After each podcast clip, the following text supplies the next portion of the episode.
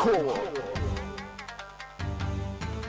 Sola skinner over Bergen by. Eksamensspøkelset ligger som en klam hånd over de fleste studenter.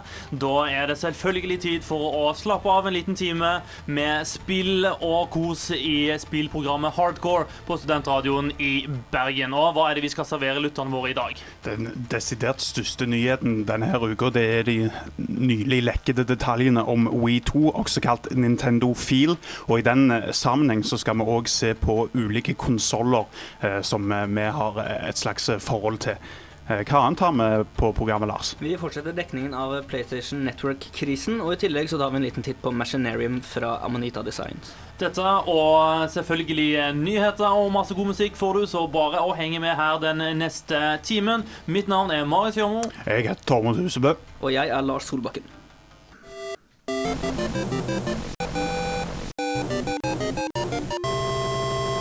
Ukas toppsaker.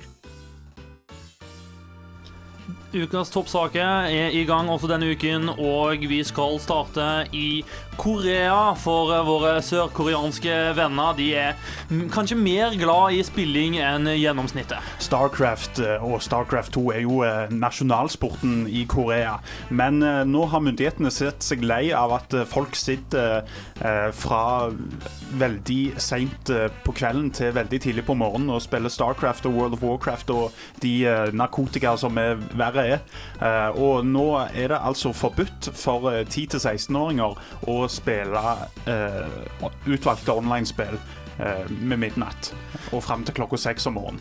Dette skal vi tro rammer hardt. Eh, Nattestid er jo eh, høytid for, for mange skolebarn å faktisk sitte og bruke på, på spilling. Tror du det vil ha den, eh, den ønskede effekten, dette? Vil det senke spillavhengigheten, som en, eh, som en kjemper mot i Sør-Korea? Jeg ser for meg at de setter opp en haug med sånne proxy-servere for å unngå denne her banen.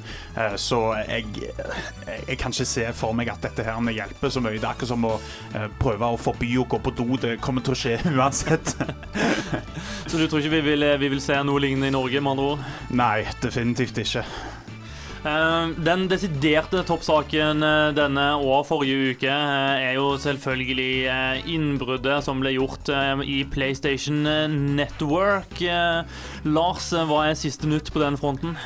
Siste nytt er vel at Sony skal gi mange fine gaver til brukerne når, det, når PlayStation Network kommer opp igjen. Det er også noen I kveld så kom det vel noen problemer med Sony Online Entertainment, at det kanskje har blitt kompromittert noen uh, kredittkortinfo der, men ikke på PlayStation Network i seg selv, som jeg leste.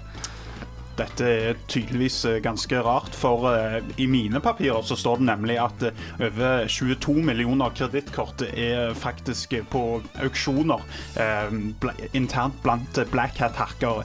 Så det er tydeligvis strid om hva som faktisk foregår.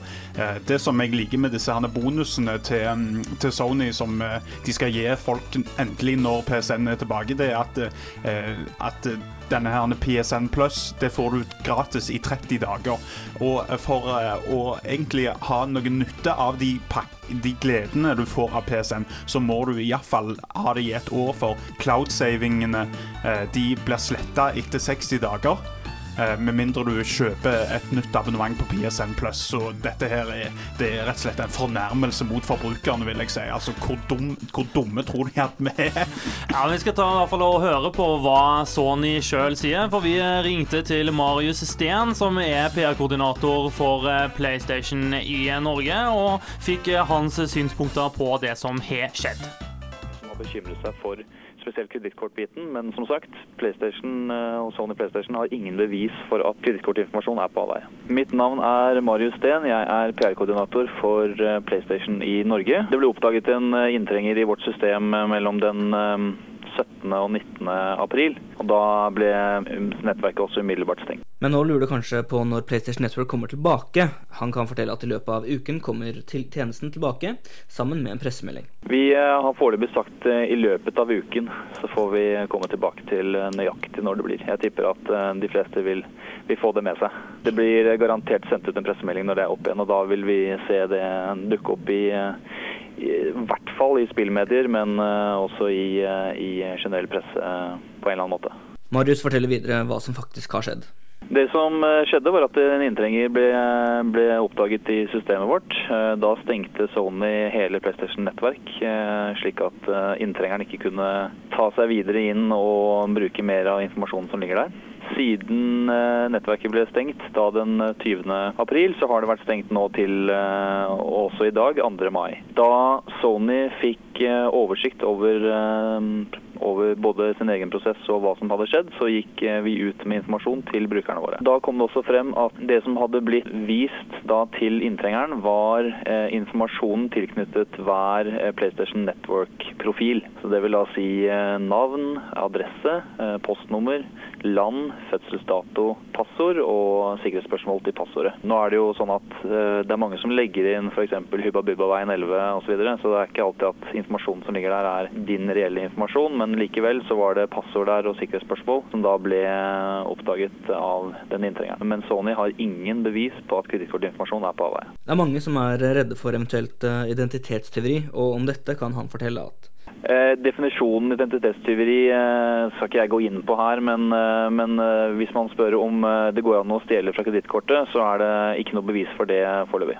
Om hva som skjer i tiden fremover, kan Marius forklare. I dag er det 2. mai. Denne uken vi nå er i, så kommer PlayStation Nettverk tilbake igjen. Eh, det ble annonsert i går fra en pressekonferanse i Tokyo hvor eh, sjefen for PlayStation Kazirai annonserte at PlayStation Network kommer tilbake denne uken. Det vil rulle ut gradvis. Det som starter er muligheten til å spille med og mot hverandre. Man vil få muligheten til å, å, oppfordres til å bytte passord på profilen sin. Det vil også være vennelister, det vil være chatmuligheter. Um, slik at uh, PlayStation Network rulles da ut gradvis i uken som kommer. Man kan chatte i tillegg, og PlayStation Home er tilgjengelig. Det som ikke er tilgjengelig, er PlayStation Store, som da holder stengt uh, frem til vi har uh, orden på den, på den, biten. Når man får tilgang til PlayStation Network igjen, det første man skal gjøre da først og fremst er å bytte passordet på profilen sin. Dernest så vil man merke at profilen er som man slapp den. Vil si at trophies, vennelister, nedlastbare spill og temaer, trailer osv., det ligger der akkurat som det gjorde før. Så, så profilen din, slik du, slik du, slapp den rett før påske, den eh, er forblitt uh, uforandret. Siden mange opprømte brukere, har Sony klargjort en pakke for å gjenopprette tilliten mellom eh, dem og brukerne. Det som nå også sendes ut, og som vi kommer tilbake til nøyaktig detaljene på, det er en welcome back package, som vi kaller det. En velkommen tilbake til PlayStation Network-avtale. Og Det betyr at samtlige brukere av PlayStation Network vil få mulighet til eh, en måneds gratis PlayStation Plus-abonnement. Og for de som har PlayStation Plus fra før av, så vil man få forlenget eh, denne perioden med en ekstra måned. Eh, så skal vi i tillegg gi ut gratis innhold fra PlayStation Network. Hva nøyaktig det blir, det kommer vi tilbake til. På temaet eventuelle foreldre som selv ikke er aktive PlayStation 3-brukere, og hvordan de kan ha blitt informert, så forteller han. Så er da spørsmålet, som du sier, eh, hva med foreldre som lar maskinen stå eh, og barna primært bruker den. Dette har vært dekket i Dagsrevyen, TV 2-nyhetene på Nyhetskanalen, eh, Dagsnytt 18, NRK Radio. P4, nå hos dere i Bergen, samtlige nettaviser av riksavisene vi har i Norge, i tillegg til både CNN og BBC. slik at det er begrenset hvor mye mer vi kunne gjort for å få denne nyheten ut. Det viktige for oss er å, er å, kommunisere hvordan forbrukeren skal forholde seg til dette videre, eh, og at det faktisk ikke angår eh, alle dette problemet som, som mange har bekymret seg for. Og For å forbedre sikkerheten har Sony gjort mange tiltak. Det har blitt gjort en betydelig oppgradering av PlayStation Network rent sikkerhetsmessig. For det første så er dette en pågående prosess nå, eh, hvor Sony i samarbeid med, med, myndighetene i Amerika nå prøver å spore opp de som har gjort denne kriminelle handlingen. Dette skjedde da mot datasenteret til Sony i San Diego. Derfor er det da en eh, amerikansk eh, etterforskning eh, akkurat nå. Det Sony selv har gjort, er å legge inn nytt software for monitorering og konfigurering, slik at man da kan ta stand mot den type angrep igjen. Det er lagt inn høyere og mer avansert nivå på, databeskyttelse og krypteringssystemer. Det er satt inn software som plukker opp uautorisert aktivitet mye tidligere, og det er lagt inn eh, flere eh, brannmurer. Slik at eh, samlet sett så er, så er sikkerhetsnivået på PlayStation Network er, som sagt betydelig forbedret. Marius Steen er positiv til tiden fremover og avslutter dermed med disse ord. Det er gledelig for oss å kunne sette en, en tidsperiode på returneringen av PlayStation Network. Vi er glade for å kunne si at vi kommer tilbake nå i løpet av uken, så da ber vi bare alle følge med på når det, det skjer, og som sagt bytte passordet sitt, og deretter glede seg over PlayStation Network tilbake igjen eh, sikkert trygt og, og med, med en eh, velkomstpakke som vi håper og tror folk vil få glede av. Det var Lars Solbakken som hadde prata med Marius Steen, PR-koordinator for Sony PlayStation Norge.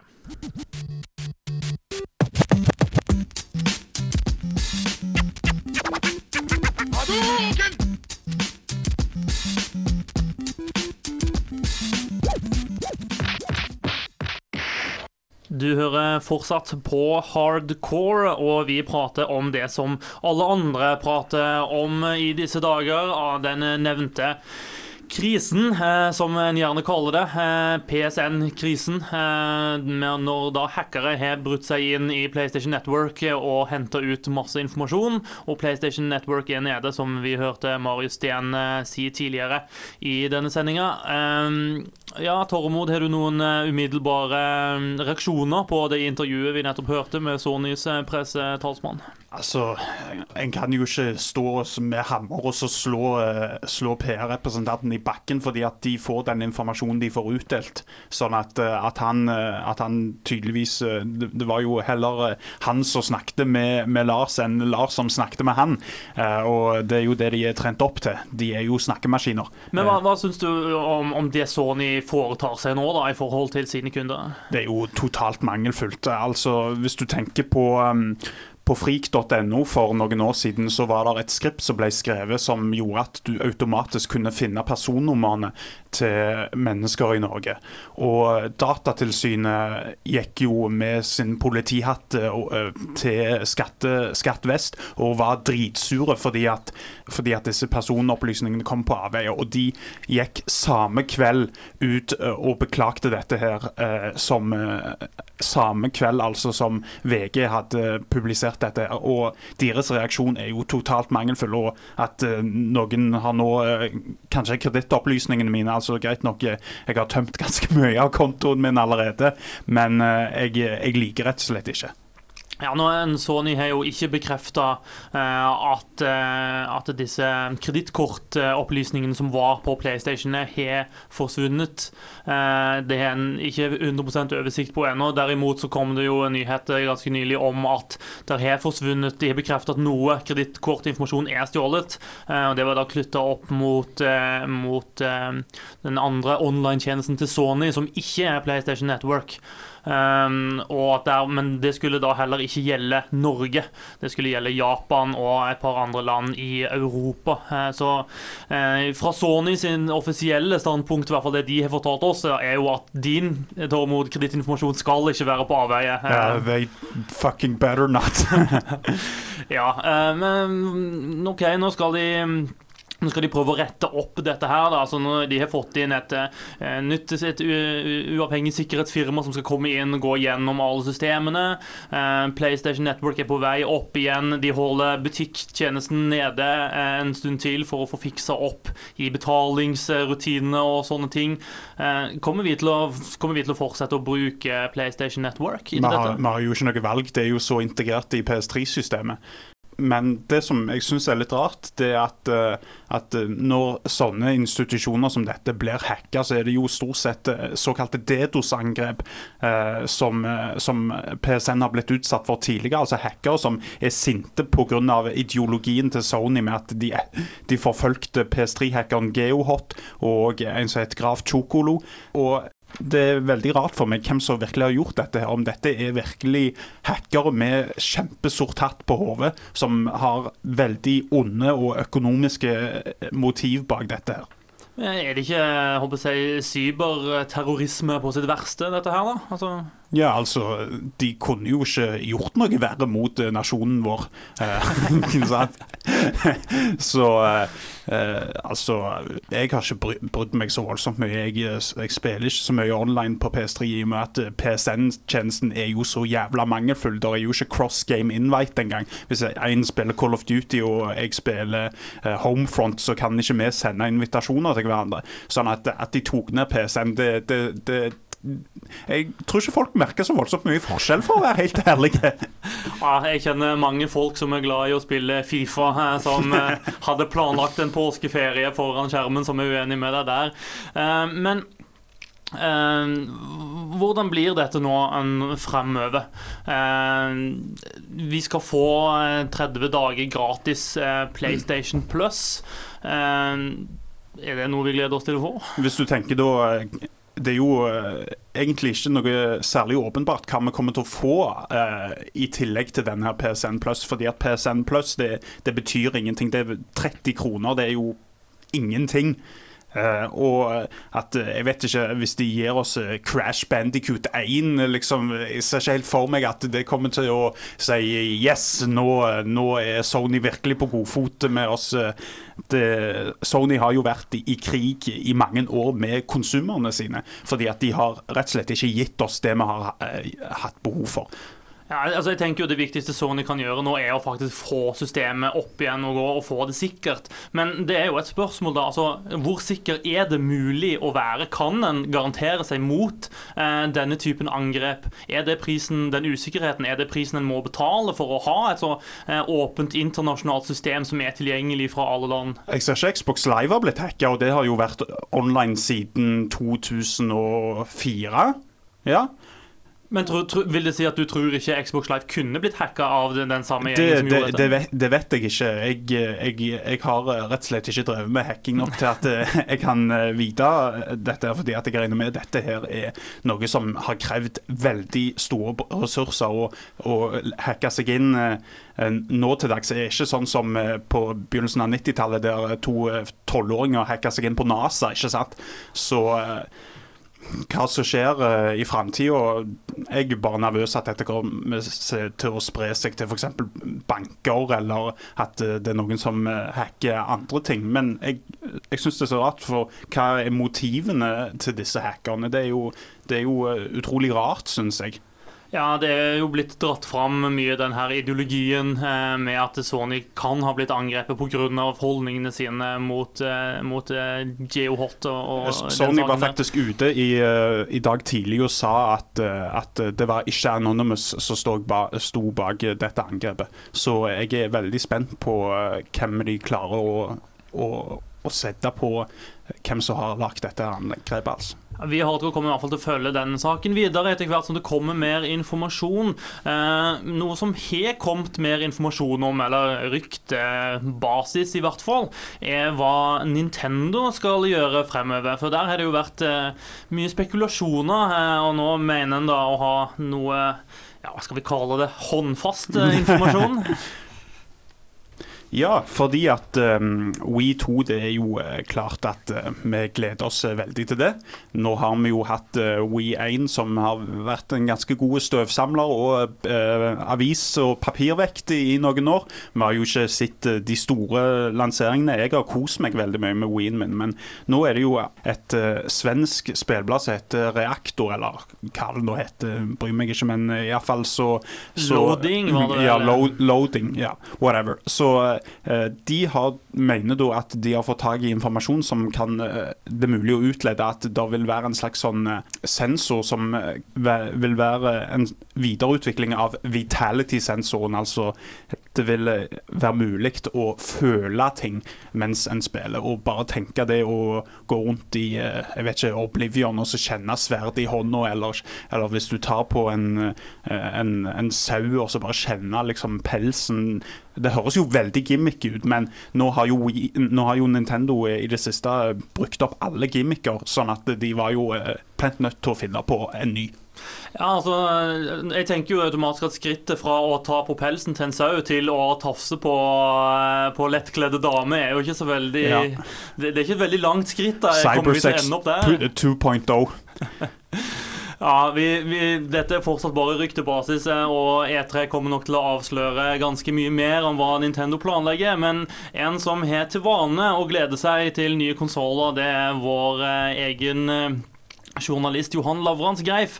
Eh, han gleder seg til We 2, og han gleder seg generelt når det kommer nye konsoller. Og du skal få høre hva han tenker om akkurat det. For alle oss som er glad i spill, er det en helt spesiell følelse når en ny konsoll blir offentliggjort. I'll take you to the candy shop. I'll let you lick a lollipop. Go ahead, girl, don't you stop. Spesielt hvis man er fanboy, får man helt sinnssykt urealistiske forventninger.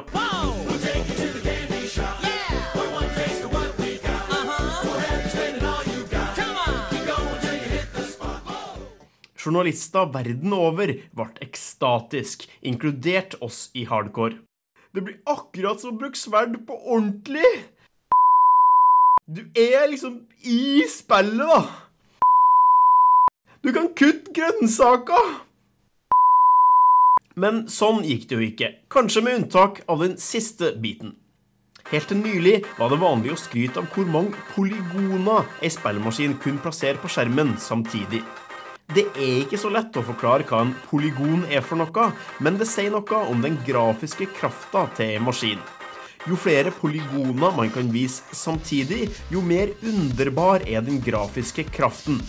Dette var i alle fall teorien. Og ved lanseringa av Sega Saturn og Sony PlayStation overgikk selskapene hverandre i å anslå hvor mange polygoner konsollene kunne fremskaffe. Problemet var bare at polygontall sjelden var en spesielt god indikator på kvalitet, eller betydde at spillet var spesielt vakkert å se på. Før Nintendo Wii så dagens lys, begynte å gå en del elleville rykter. En relativt troverdig kilde hevda at Nintendo Wii kjørte hologramteknologi à la det man ser i Star Wars-filmene. Så hva skal vi tro om Prosjekt Kafé, Vi 2 eller Stream, Det vil Si Nintendos neste hjemmekonsoll? I de siste årene har det stadig blitt mer vanlig med lekkasjer på et tidlig tidspunkt. Next Generation Portable, eller NGP, ble avslørt før den ble offentliggjort av Sony. Det samme gjaldt Sonys telefon med PlayStation-kontroll. Er ryktene riktig den gangen her, blir altså Nintendos nye maskin kraftigere enn PlayStation 3, og den har en kontroller med innebygd touchskjerm. Jeg håper selvfølgelig at jeg tar feil, og at Nintendo går helt bananas og gjør enda mer for å fri til massene. Hva med en spillmaskin som også koker kaffe? For å få kaffen helt varm må du klare fem baner på rad. Ikke bare lager den kaffe, den baker boller også. Tilsett mel, gjærvann og spill litt multiplayer i Super Mario Bakery Bonanza, så blir det mat. Og sist, men ikke minst, mos fiendene dine i Selda Salad Slashingfest, der en sunn og god middag blir en lek. Prosjekt Kafé Stream V2 i salg fra 2012. Kaffe, deig, tomater og batterier er ikke inkludert.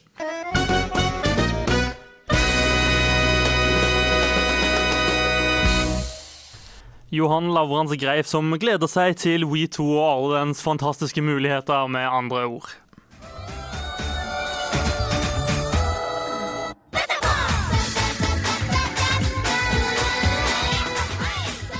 Hvis noe er rart og japansk, da finner du det i hardcore.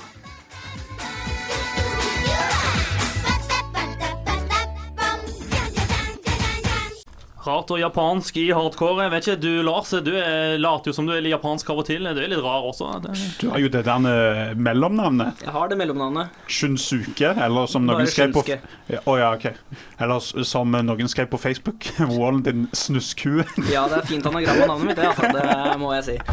Mer Yes. yes. gøyal eh, navneprat eh, senere i sendinga. Nå skal vi se på måneden som ligger foran oss. Eh, Mai er jo alltid en snedig måned i utgangspunktet. Eh, Det er sol ute, og da er det jo ingenting bedre enn å sitte inne eh, med flotte spill eh, og nyte Amen. drikk og is. Eh, Og det kommer masse bra, og først ut er vel kanskje The Witcher 2. Eh, Jeg vet ikke, Har dere noe forhold til The Witcher? Jeg spilte fem minutter originale Witcher etter jeg hadde sett introen. Introfilmen var awesome, men så, så oppdaget jeg gameplay, så spilte jeg heller Diablo 2 istedenfor. Du, er- du har så mye å lære, min unge padawan. Dette Nei. Up eh, yours. The Witcher, 2, The Witcher syns jeg var kjempebra. Eh, Det er et rollespill som gjør historiefortelling på en fantastisk måte, og det er skapt eh, De har skapt den, eh, den mørke fantasyverdenen til en polske Hva heter han, Andrzej Sapkowski, eller noe sånt noe. Eh, Kjempebra, og det er en veldig voksen verden som er lagd. Det er noe jeg kan sette pris på. Den er mørk, den er full av vold og sex og alt mulig, men den er gjort på en eh, voksen og på en jeg vil nesten si en europeisk måte. Den har ikke den der eh, 80-talls eh, Hollywood-tilnærmingen til voksent eh, innhold som, som vi ser f.eks. i Mass Effect. Hvordan eh, mener du The Witcher står i forhold til stemningen i f.eks. Dragon Age? Ja, Dragon Age eh, tilnærmer seg jo den, liksom, den liksom mørke, dystre råheten eh, som er der, men eh, ja, på akkurat det punktet så selv Dragon Age når ikke helt opp altså, til, til den, eh, den pure råheten som, som eh, du finner i The Witcher. Så jeg har i hvert fall store forhåpninger til The Witcher 2. Eh, men det spillet som kanskje eh, flest folk har store forhåpninger til, eh, det er jo LA Noir fra Rockstar. Og ja, hva, hva kan vi forvente oss å få fra det? Men De kan vel forvente å få ti av alle spillmagasin, eh, regner jeg med. For eh, folk eh, i spillpressen elsker jo Rockstar. Jeg elsker ikke Rockstar like mye. For det som jeg syns er litt drit med alle Rockstar-spill, det er at, at hvert spill har helt lik historie. Det handler først om en som er litt på kant med loven, så kommer endelig ut, tror han. Men så blir han dratt ned i den samme gamle driten igjen, og så blir han forrådt. Og så eh, skal han eh, drepe de som forråd- forråder han. Det er alle Rockstar-spill. Og det kommer sikkert til å være eh, sånn i LA Noir. Men, men i LA Noir så er du jo loven. Du, jo, du, du spiller jo en etterforsker. ja, men du kan fortsatt bli etterf et etterfolk bare fordi at du er politi. Ja, så det blir Max Payne-historien da, rett og slett. Eh. Nei, vet du hva, jeg, jeg, jeg er ikke så, så negativ, rett og slett. Altså, jeg, jeg er enig med deg i en del av tingene. At GTA og sånn har vært litt skuffende personlig, syns jeg. Men, men jeg har hevet meg på hypen. Jeg har blitt svelgt opp, og jeg gleder meg veldig til Elin Noir. Det gjør jeg. Ja, for altså, Jeg kan ikke helt se for meg at etterforskning er så jævla gøy. Fordi at du må jo ta så lyse med de der blå lyktene eh, for å finne blodspor. Du må liksom ta ting oppi plastikkposer. Sånn at det virker jo som om det blir sånn skikkelig kjedelig. Men, men er ikke det gøy? Altså, I Heavy Rain så syns jeg jo det var det kjekkeste med hele spillet. Var når du styrte han etterforskeren der og skulle gå rundt og finne spor og sånne ting. Ja, men i Heavy Rain så var det jo så grella mye kjedelig òg, da. Det, noe av det kjekkeste i Heavy Rain var jo å, å være drittsekk mot kona di. Nei, uff, Torre, da. Så det du sier er at i et etterforskerspill du vil ha, så vil du være som Sherlock Holmes og røyke opium? Eh, jeg, jeg vet ikke helt hvor du tok de ordene fra, men, uh, men, men iallfall så, så tenker jeg at et etterforskerspill er jo en litt sånn dødfødt idé. Det blir litt det samme som ja, alle disse europeiske simulatorene med kranbiler og så bussjåfør. men eh, jeg håper nå at det blir eh, et uh, litt mer friskere pust enn det Mafia 2 var, siden Mafia 2 hadde så mye klisjeer i historien. Og uh, at det er en etterforsker, uh, er jo egentlig ikke noe god nyhet, for veldig mange av disse politiseriene er jo så utrolig like og kjedelige og har den der samme case of the week-formatet som jeg misliker utrolig sterkt. Så vi får se LA Noir. Jeg, jeg, jeg, jeg, er ikke, jeg har ikke omfavna meg og kasta meg over deg helt ennå. Eh, der kommer mer enn bare det også. Eh, Du, Lars, er jo glad i å leke med Lego. Eh, og der kommer jo også et nytt Lego-spill eh, basert på Pirates of the Caribbean-filmene. Hvilket forhold er du til de? Uh, jeg likte den første. De to andre er vel mer midt på treet og kanskje enda litt lenger ned. Eh, Men min store kjærlighet til Lego-spillene er kanskje litt for stor til at jeg skal klare å unngå dette spillet her. Ja, Er du, er du noen forhåpninger til det, eller blir det samme gamle Lego-oppskrifter, bare med pirathatter? Jeg tror nok det er ganske mye av det samme, men det er jo en veldig fin oppskrift, da, syns jeg. Så jeg kommer i hvert fall til å spille den første kvartdelen, som er den første filmen. Det som jeg eh, har uh, slitt litt med Lego-spillene, det er at de er så jævla enkle, og de, de er rett og slett ikke utfordrende nok. eh, og eh, The, eh, The Pirates of the Caribbean-spillene Jeg har faktisk spilt de spillene, og Stakker. de var faktisk ikke så verst. Så jeg håper nå at, at, at du blir fornøyd med de Lego-spillene. I tillegg så kommer det noen andre spill. Dirt 3 kommer ut. eh, Rally racing for de som er interessert i slikt. Eh, Brink eh, kommer ut. Et spill som jeg har fått testa ut tidligere. Jeg har trua på at multiplayeren kan bli gøyal der, så det er også noe som er verdt å, å følge med på. Begynnelsen av juni så vi, skal vi tilbake til den elektriske verden i Infamous. Hva syns du om, om den, Tormod? Det var jo mye kontrovers gjennom en litt sånn dritting med Infamous 2. Det var at eh, Den første traileren viste jo at eh, de hadde forandra på hovedkarakteren. Han hadde samme navn, men han hadde en annen stemmeskuespiller, og han ligna rett og slett veldig mye på Nathan Drake. De hadde rett og slett bare draka he hele karakteren. Eh, Jeg tror ikke det var Noel North som hadde stemmen, men så ble folk så jævla sinte pga. dette her. Fordi at de ville ha han der ekle, stygge skalladuden som bare ble eh, dirigert rundt av, rundt av kona i det første spillet. De ville ha han tilbake, og vips, så eh, neste trailer er det fiksa.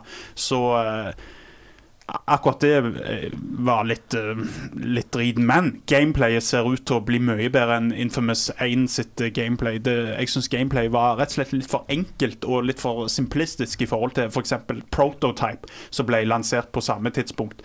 Sånn at uh, veldig mye av dette her strømaspektet kommer til å gjøre seg gjeldende i Infamous 2, med at en, en slåss litt som i et slåssespill, med at en har forskjellige kombinasjoner, en kan bruke forskjellige våpen. Så absolutt så tror jeg det kan bli kulere enn én.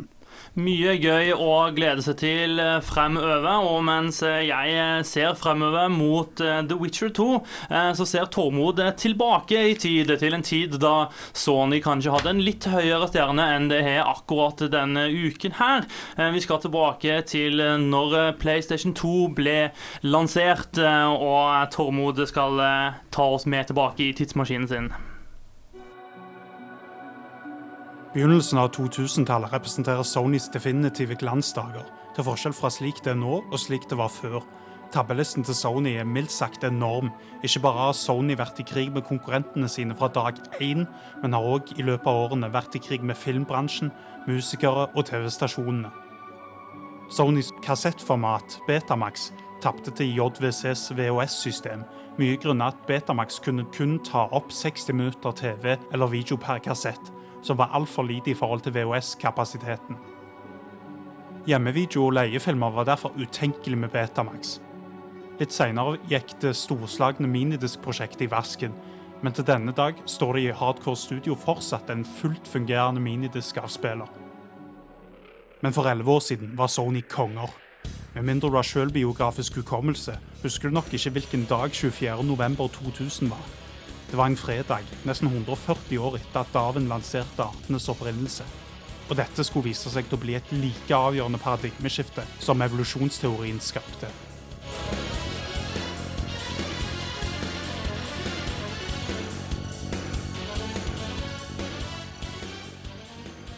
Etter mange måneders spekulering kom 2000-tallets svar på Jesus endelig ut. Sony PlayStation 2. PlayStation 2. It's on everyone's mind these days, and leading us into its North American launch, the excitement and anticipation surrounding it is starting to blow a few minds. And the graphics, the graphics is outstanding out here. I'm loving it. The graphics are sweet, especially on that fighting one down there. Controllability of the games are unbelievable. I mean, it's very smooth. smooth, it's fast, and it makes for a more real-life playing experience. It's pretty, uh, pretty close to cinematic quality. It's, it's unbelievable. Minnebygd DVD-spiller og støtte for trådløse kontrollere var PS2 klar til å overta tronen forgjengeren PS1 hadde holdt siden begynnelsen av 90-tallet. Med feite grafikk, teit kontroll og god lydstøtte er det helt utrolig at lanseringsspillene var så rådne. Av alle godtitlene Konami kunne gitt ut, valgte de å gi ut Silent Scope, som et sniperspill som oppførte seg som Time Crisis sin tilbakestående treige lillebror.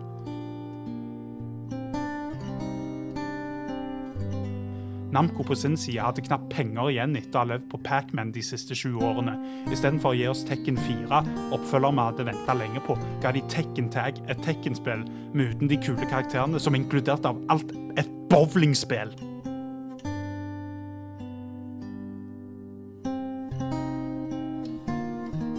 EA på sin side ga ut Kessen, som var et strategisk japansk rollespill, ikke ulikt en dårlig kopi av Final Fantasy Tactics med tidlig PS2-grafikk. Det verste med Kessen var at spillet uforskamma var maks drittsekk mot deg. Spillet starta med å være drittlett i starten, tutorialen gikk egentlig kjempefint. Men så, etter tutorial-levelen, viste det ingen nåde for de som ikke hadde kjøpt gameguiden. Mange av bossene og fiendene hadde svake punkter som var komplett ulogiske og ærlig talt kjempefeige og idiotiske. Til tross for det råtne gameplayet så hadde Kessen nydelig grafikk, og stemmeskuespillet var overraskende bra. Spillet satte en cinematisk standard for PS2-spillene som kom til å følge.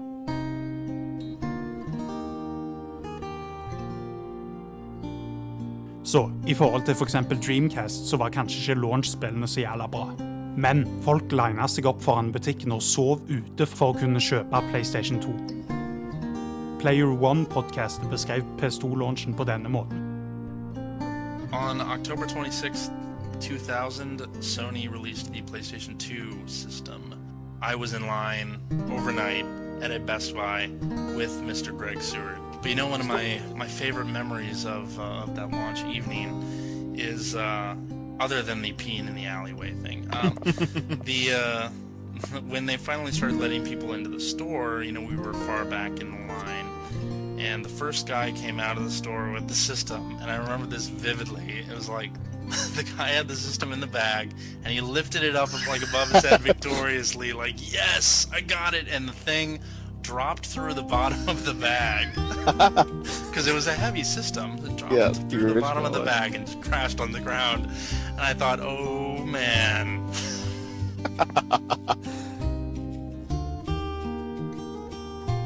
Fredag 24.11.2000 var datoen PlayStation 2 kom ut her i Norge og resten av Europa. Elleve år seinere er det følgende data å oppdrive. 150 millioner solgte PlayStation 2-konsoller. 10 828 unike spill, som er det femdobbelte av PS1 sin lineup.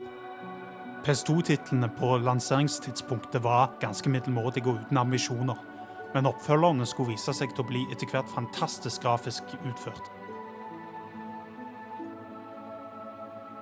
PlayStation 2 sine lanseringsspill blekne i forhold til spill som ble utgitt på slutten av livssyklusen. Jeg tenker på spill som God of War, Shadow of the Colossus og Okami. En skulle nesten tro at konsollen ikke var på samme konsoll, men at det var en midt imellom.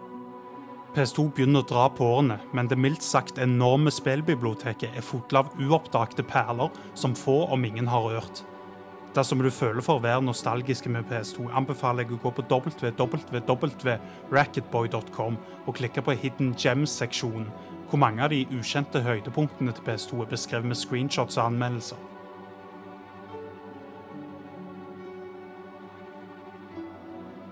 PS2 lever fortsatt både som en spillkonsoll og noe som tilhører fortida.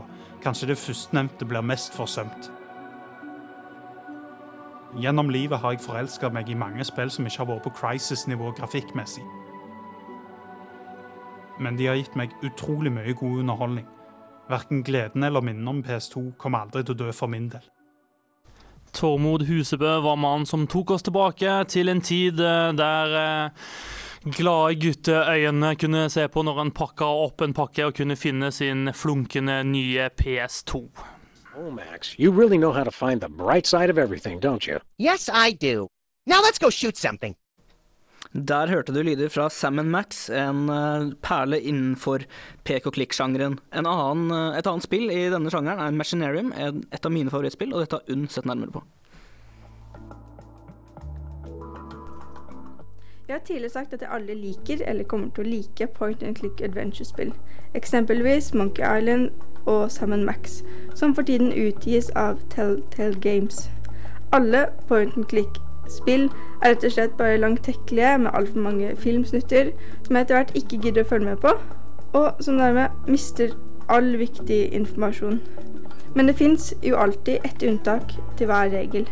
Et spill fra point and click-sjangeren, eller som jeg kaller det klikk, les og skje deg halvt døde-spill.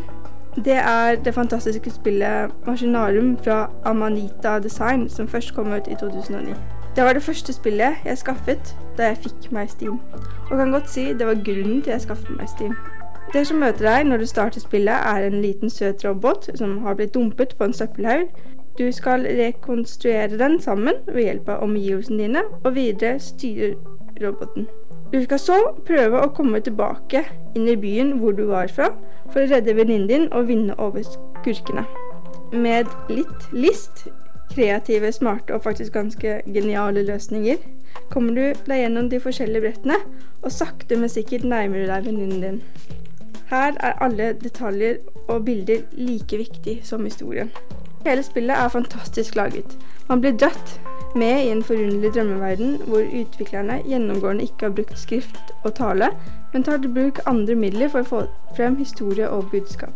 Eksempelvis kraftig gestikulering og herlig illustrerte tankebobler, som, og hvor musikken er fredelig, lokkende og bare fantastisk. Hver eneste lille detalj og bilder på hvert brett er like viktig som selve historien, og ved hjelp av dette kommer du deg videre. Robotverdenen er utrolig detaljert laget med dystre, rustiske farger. Det er veldig troverdig at det er et sted hvor roboter ville ha bodd. Spillet har som sagt gjennomgående ikke brukt skrift og tale.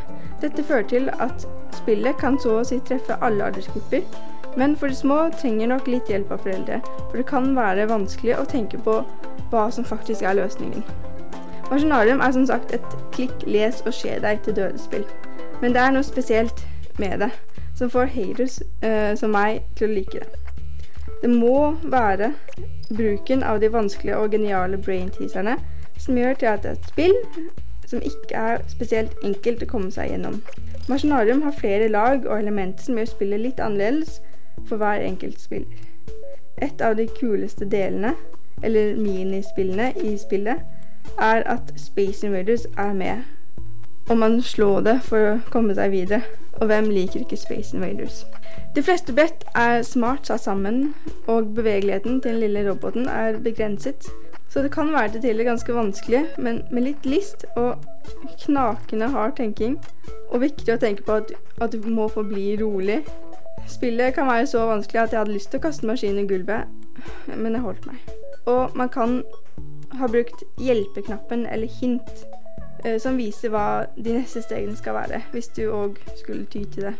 Den beste og største grunnen til at jeg liker dette spillet, selv om det er et trykk og les-spill, er fordi det er så estetisk pent. Det er fantastisk laget, og man blir så sjarmert av historien som følger den lille roboten. Det er ikke laget som et vanlig pek- og klikk-spill, altså det er ikke kjedelig. Og det at spillet er ganske vanskelig, gjør òg at jeg liker spillet mer. Spillskaperne har ikke gjort det lett for oss. Jeg, som mange andre spillere, er svært opptatt av hvordan spill ser ut, og liker godt at spill ser litt annerledes ut. Og det er dette som gjør Masjonarum helt fantastisk. Samt med et sjarmerende soundtrack med me mekaniske pling-plong-lyder og underholdende musikkinnslag gjør hele opplevelsen for meg. Et annet bra pek og klikk adventure-spill i lignende stil er Windowsill, hvor det estetiske og underholdende løsninger er lagt mye vekt på. Så det er faktisk ingenting som kan stoppe deg til å prøve Maskinarium.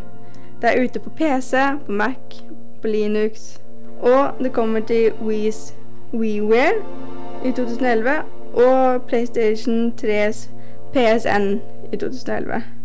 Løp og kjøp.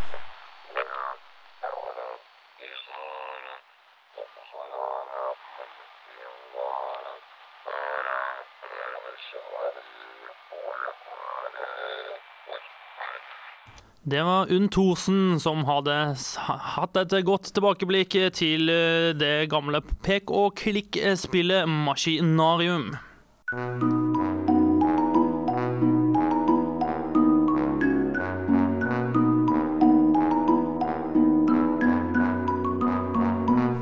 En av de samlerne som har utvilsomt mest støff her i Norge, en eh, kar som heter Hilmarf, som bor på Ytre Enebakk, som eh, nå endelig har eh, lagt ut Donkey Kong Arkademaskinen sin ut for salg. Og dette er et objekt som svært sjeldent, spesielt her i Europa og ikke minst i, i Norge, skifter hender utrolig sjeldent.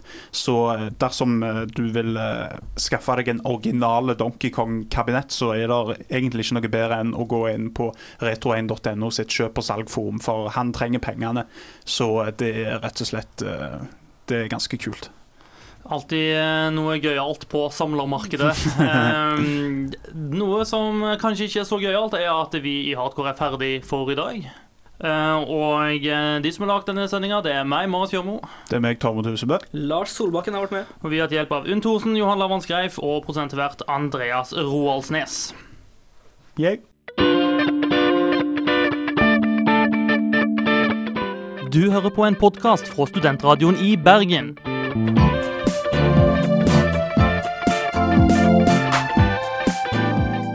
Denne og mange andre flotte podkaster finner du på podkast.srib.no.